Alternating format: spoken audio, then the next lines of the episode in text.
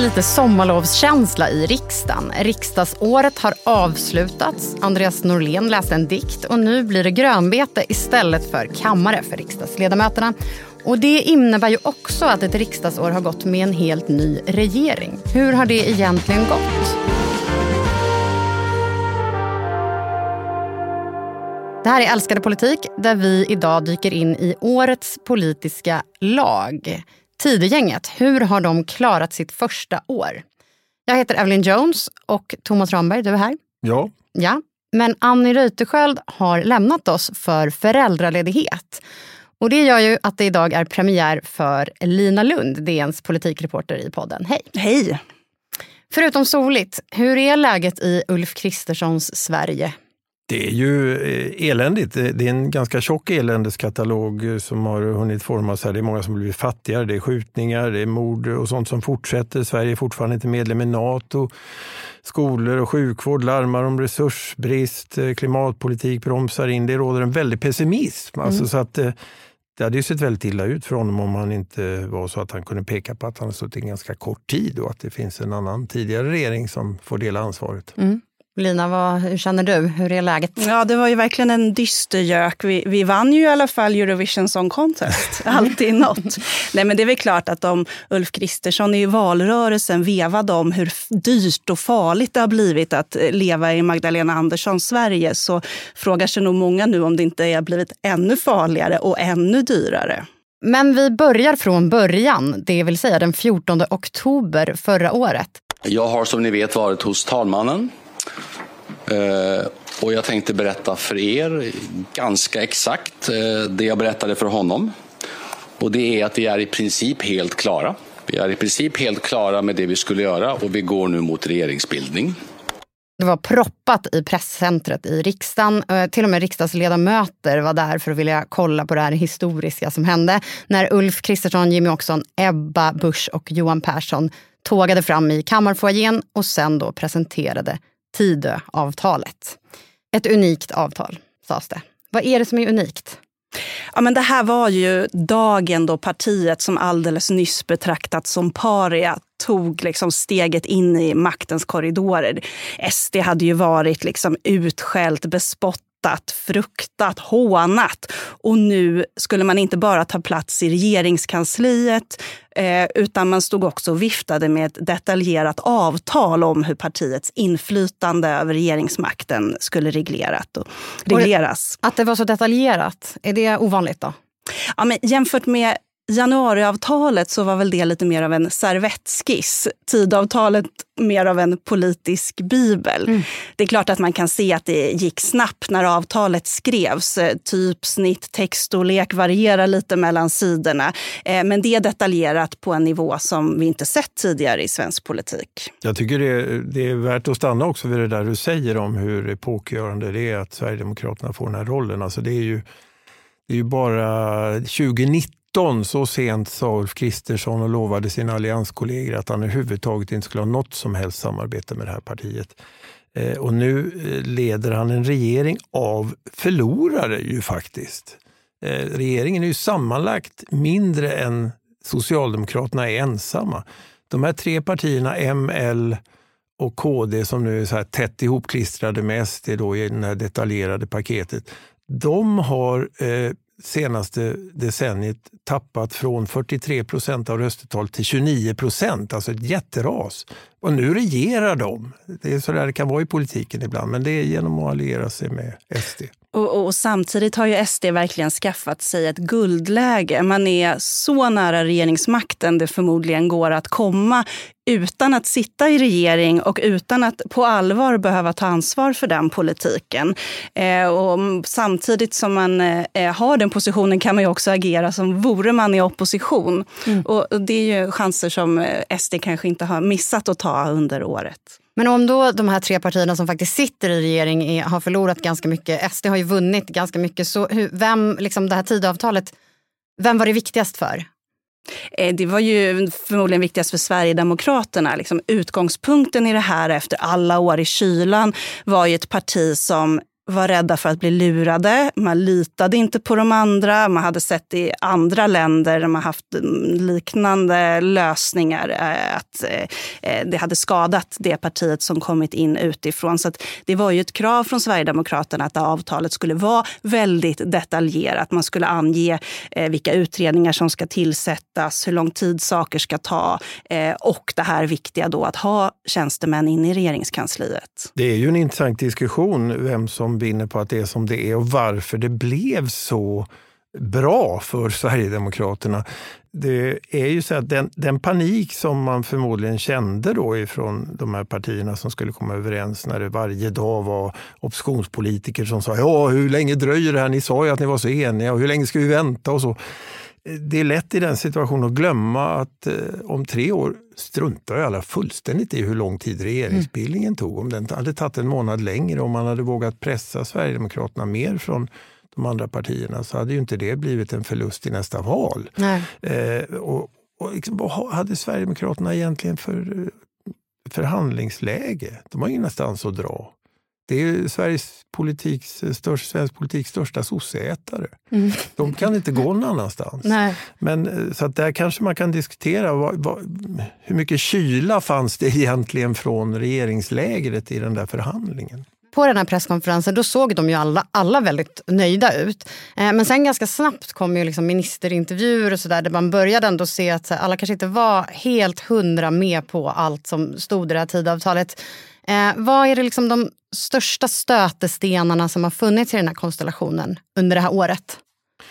Faktiskt ganska få tycker jag. Va? Mm. Enskilda mm. liberaler har ju markerat på några punkter. Så där, eh, nationella tiggeriförbudet, det är någon riksdagsledamot som inte gillar, eh, eller kanske ett par, att offentliganställda i sjukvård och skola ska vara tvungna att anmäla om de tror att någon inte har uppehållstillstånd, barn eller patient eller så. Det har ju Alltså, sjukvårdsministern, kristdemokraten Ankarberg, gjorde en väldigt försiktig så här, invändning och, och mm. var sen tyst i den där frågan. Eh, det här med vandel, det här gammaldags konstiga ordet. Som alla bara fick lära sig vad det betydde? Ja, eller? men där då jämställdhetsministern Paulina Brandberg har sagt att det kan inte vara så att om, om man har utsatts för prostitution ska det liksom leda till att man kastas ut för då är man ett offer och så. Men om man betänker då den här som Lina beskriver, den här stora katalogen som det här avtalet ändå är. Och vilka stora eftergifter Liberalernas ledning gjorde i den här förhandlingen så är det ju väldigt stillsamt.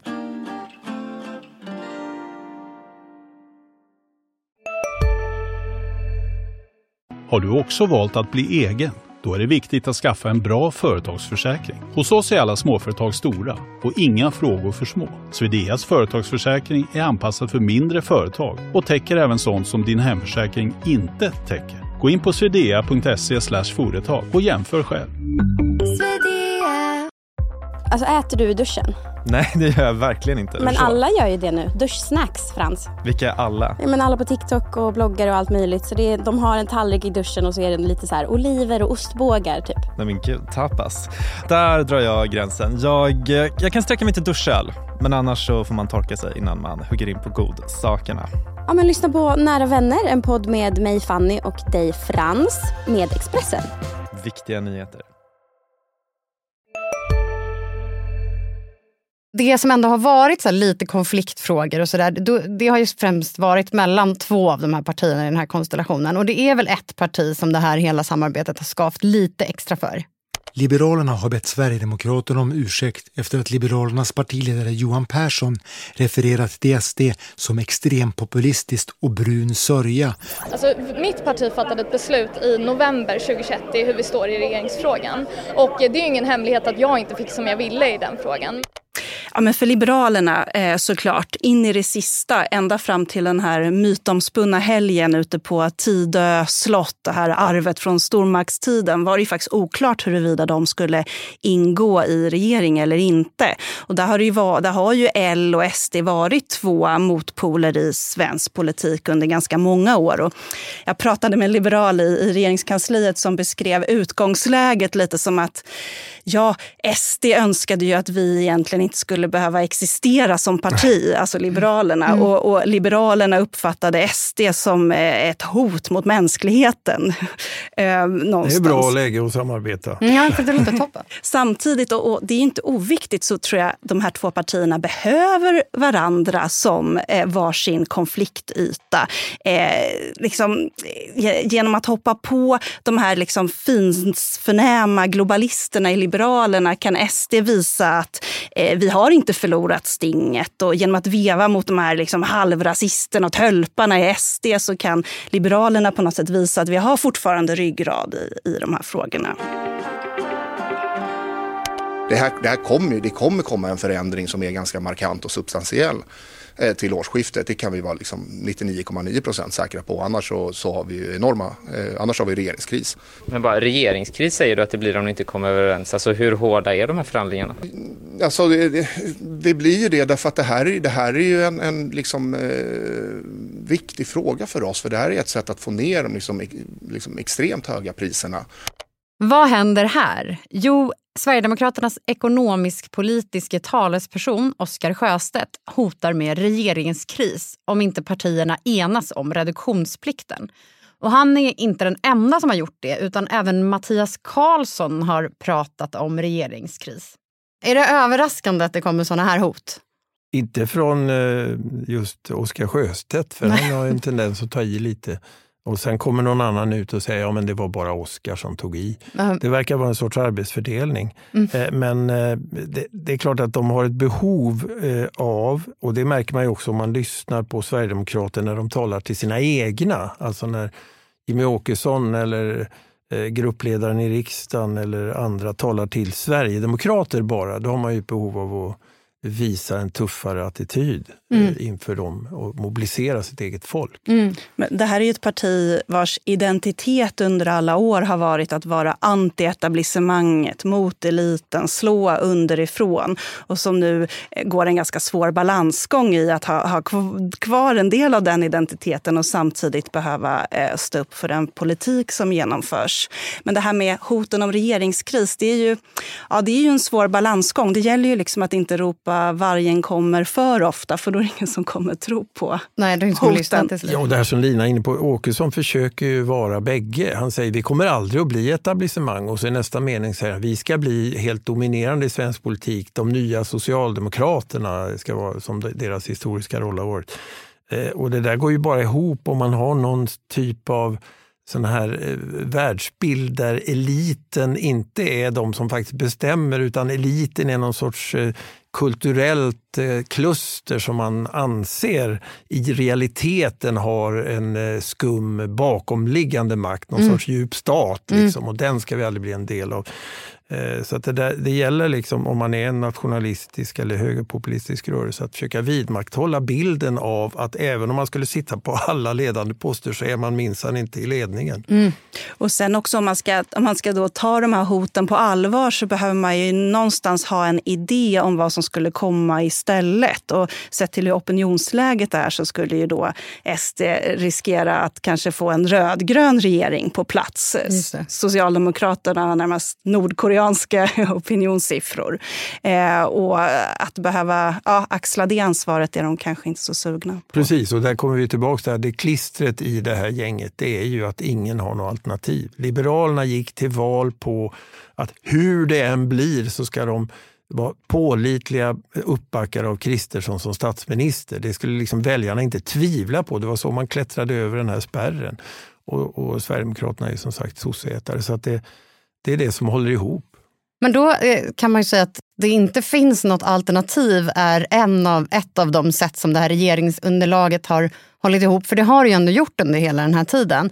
Och har de några, liksom, någon ingrediens eller vad är liksom framgångsreceptet förutom att det inte finns något annat att välja på för dem? Ja men precis, det vi hör utåt är ju en sak. Eh, lyssnar man i de inre rummen så kommer det ju delvis annat ljud ur eh, skällan. Och regeringsunderlaget har ju kopierat Alliansens framgångsrecept. De skapade ju någon sorts gruppterapeutisk konflikthanteringscentral inne på regeringskansliet som man kallar för samordningen. Mm. Eh, och det är ju här man ska döma av de här konflikterna som hela tiden uppstår mellan de här ganska omaka partierna och se till att de klaras ut innan de når upp till partiledarna. De ska liksom, partiledarna ska skonas från käbblet som blossar upp från lägre nivåer. Och, och samordningen är ju en liksom fysisk plats i, i RK där det sitter ett 50-tal tjänstemän från de fyra partierna. Och det är genom dem som alla de här frågorna som regleras i Tidöavtalets 63 sidor och alla frågor som rör budget och kanske några till eh, ska passera. Eh, och pratar man runt i samordningen så tycker jag att de själva nästan verkar vara förvånade över hur bra det ändå går. Att, eh, här har man under en drygt halvår byggt upp någon typ av tillit och förtroende mellan de som jobbar där. Och, eh, ett tecken på det är ju att hittills har bara en enda fråga hissats, som man säger, alltså lyfts upp till partiledarnivå. Mm. det var den EU kom med påbud om att förbjuda förbränningsmotorer. Eh, Medan under alliansåren var det vanligt att det hissades frågor till partiledarna någon gång i månaden. Nu kommer ni få höra ett klipp som vår producent Viktor har klippt ihop. Den kommer ge er lite ledtrådar och sen kommer jag ställa en fråga. Och det jag vill veta är, vem eller vad är det vi söker? Chalmers är uppdelad på två platser. Chalmers Johanneberg, där vi är nu. Dina avtal och mycket mer. Ladda ner Mitt Fortum-appen och logga in. Så hur var det egentligen Informerade du statsministern om köpet av Nuon innan den här affären? Det är fullkomligt eh, hårresande citat som vi hör här. Det är ju ett vetenskapsförnekande parti vi har att göra med. Välkommen till Sveb-TV och ett program i vår serie Fjärde statsmakten. Och det är en programserie där vi granskar makthavare och medier. Ja, alltså var det Maud Olofsson eller? Nej. Nej. Jag hörde något om Nuon. ja. Vänta, vilket var det? Nej, det är Elsa Widding, hon var ju handläggare. Ja, just det. smart. Eh, och hon var, var ju en eh, whistleblower om man nu ska uttrycka det lite slarvigt kring just Nuon-affären. Okay. Och hon har också varit involverad i Fortum och Chalmers och varit med i webbkanalen Sveb-TV. Den var lite svår. Ja, det lustiga är att eh, jag blev avslöjad som en riktig boomer när den enda referens jag kom på var den som var tio år gammal. Men vi tänker ändå att Elsa Widding har ju med det här avsnittet att göra. För vem är hon? Eller varför har hon med det här underlagets eh, vad ska man säga, vara eller icke vara att göra? Eh, ja, alltså, det är ju så att de har ju ett hyfsat stabilt underlag i riksdagen genom att eh, SD då ingår i regeringsunderlag som en majoritet av riksdagsledamöterna bakom den här regeringen.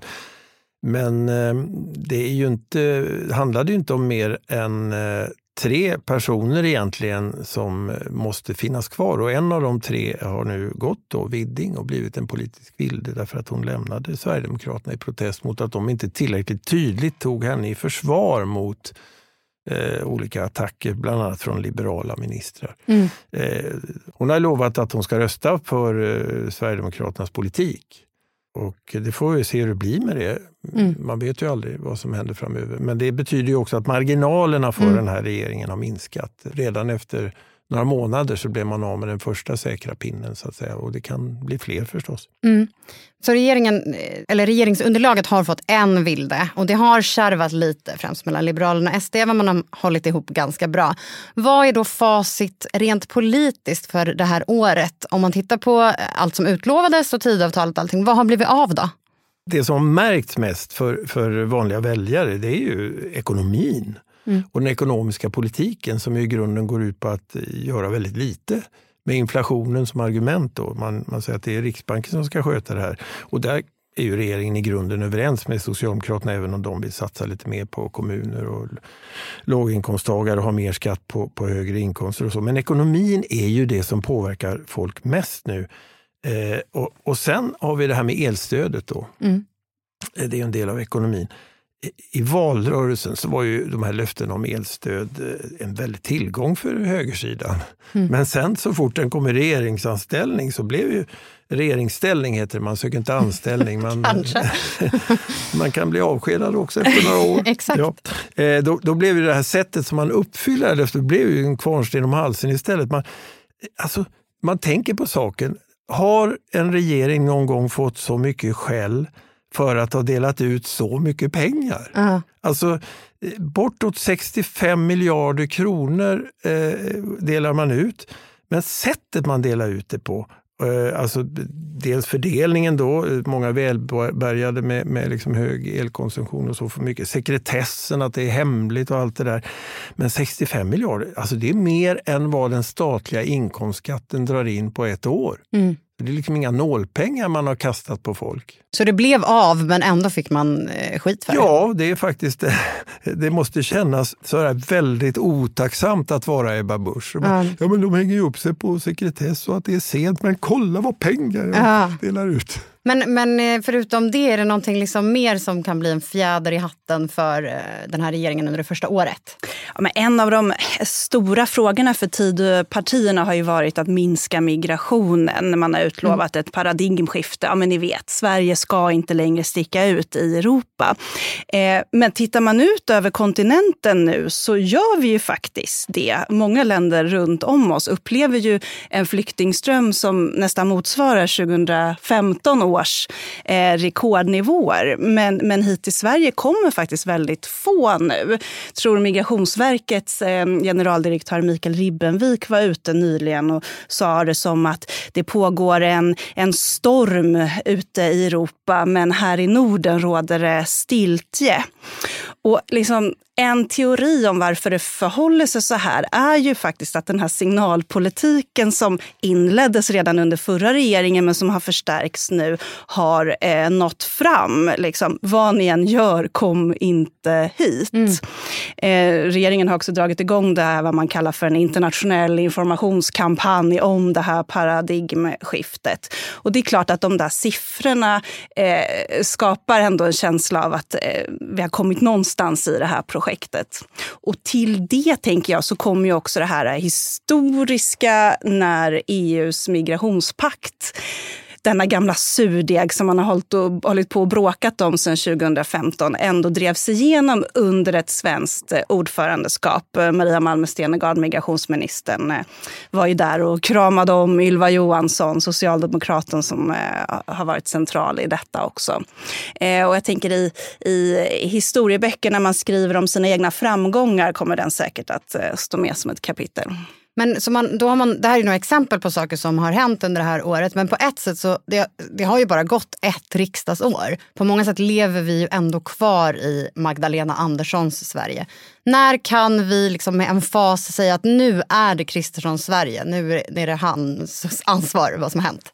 Jag skulle säga att det är 1 januari 2024. Väldigt specifikt. Ja, det har, egentligen kanske man kan säga att det är redan i, i eh, september, oktober i år. För att Mm. då läggs den här ekonomiska politiken som ska gälla från 1 januari 2024 och som, som sannolikt då för första gången är liksom en ändring eh, på riktigt. Regeringen måste börja föra sin ekonomiska politik. Den måste sänka skatterna för de här väljargrupperna som förväntar sig det för att den ska ha stöd framöver. Mm.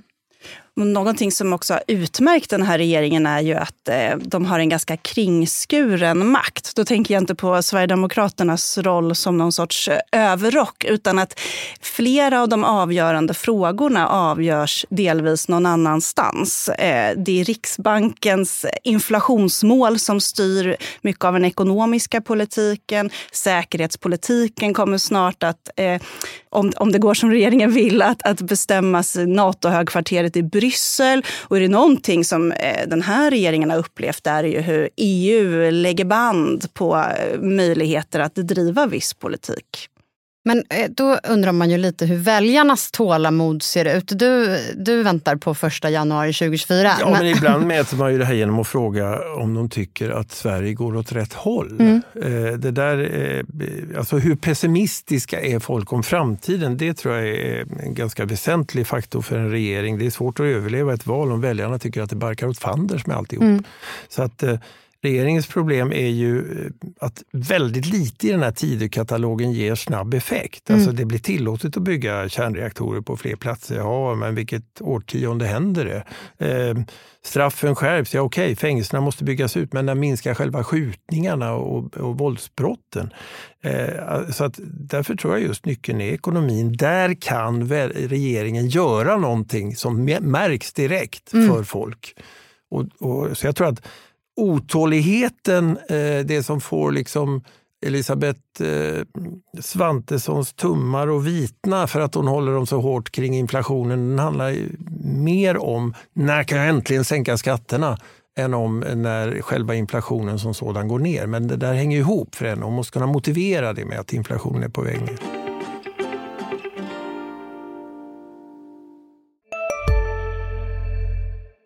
Hej, Synoptik här. Hos oss får du hjälp med att ta hand om din ögonhälsa.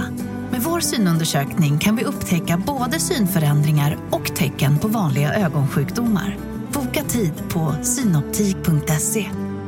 Hej, Susanne Axel här. När du gör som jag och listar dig på en av Krys vårdcentraler får du en fast läkarkontakt som kan din sjukdomshistoria. Du får träffa erfarna specialister, tillgång till lättakuten och så kan du chatta med vårdpersonalen. Så gör ditt viktigaste val idag. Lista dig hos Kry. Innan vi rundar av så ska vi ägna oppositionen några tankar. För Magdalena Andersson hon har ju gått från statsminister till oppositionsledare.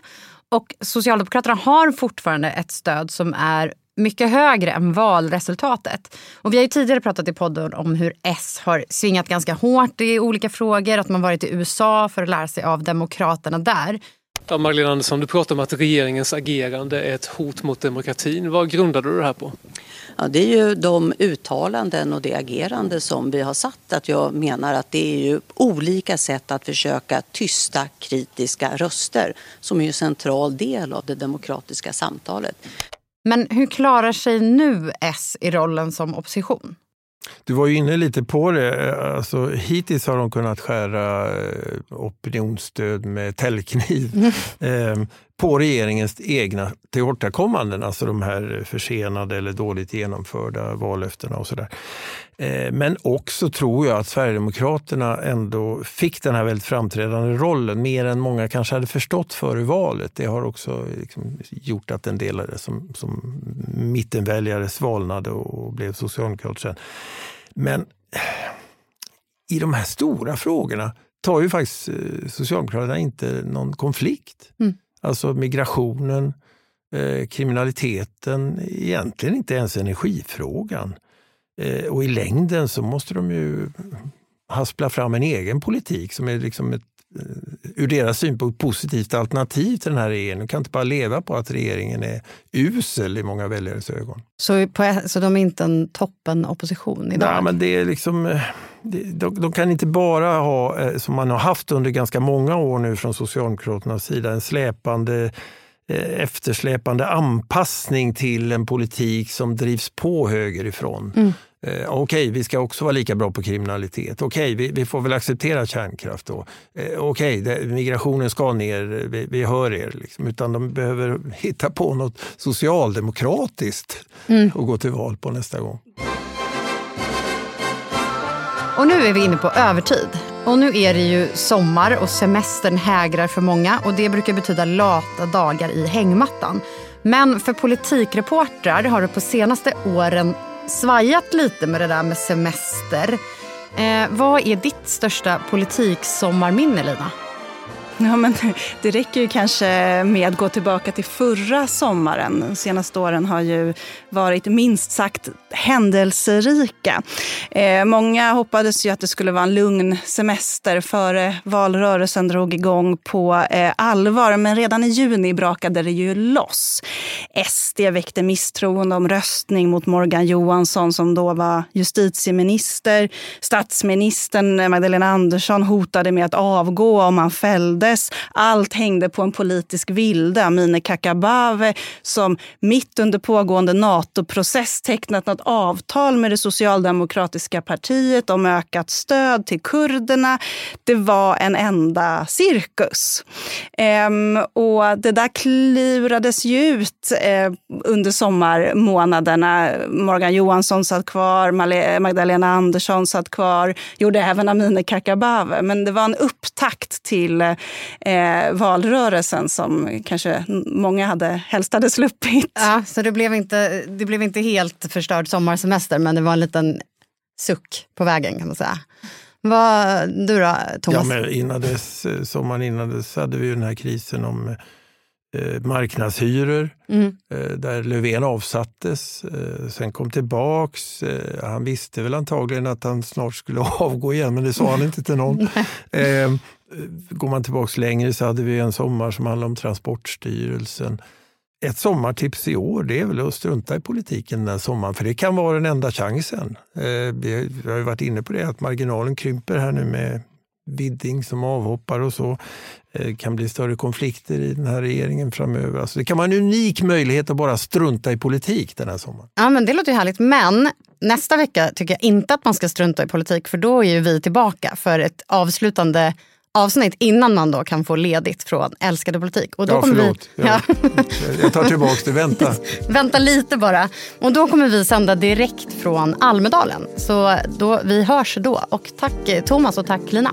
Och tack för att du lyssnat på Älskade politik. Vi släpper alltså nya avsnitt varje onsdag. Följ gärna oss så missar du inte dem. Producent är Viktor Aldén. Klippning och musik görs av Patricio Samuelsson. Klippen i dagens avsnitt kommer från Sveriges Radio, SVT, TV4, Expressen och Sveb-TV. Och ansvarig utgivare för Dagens Nyheter är Peter Wolodarski.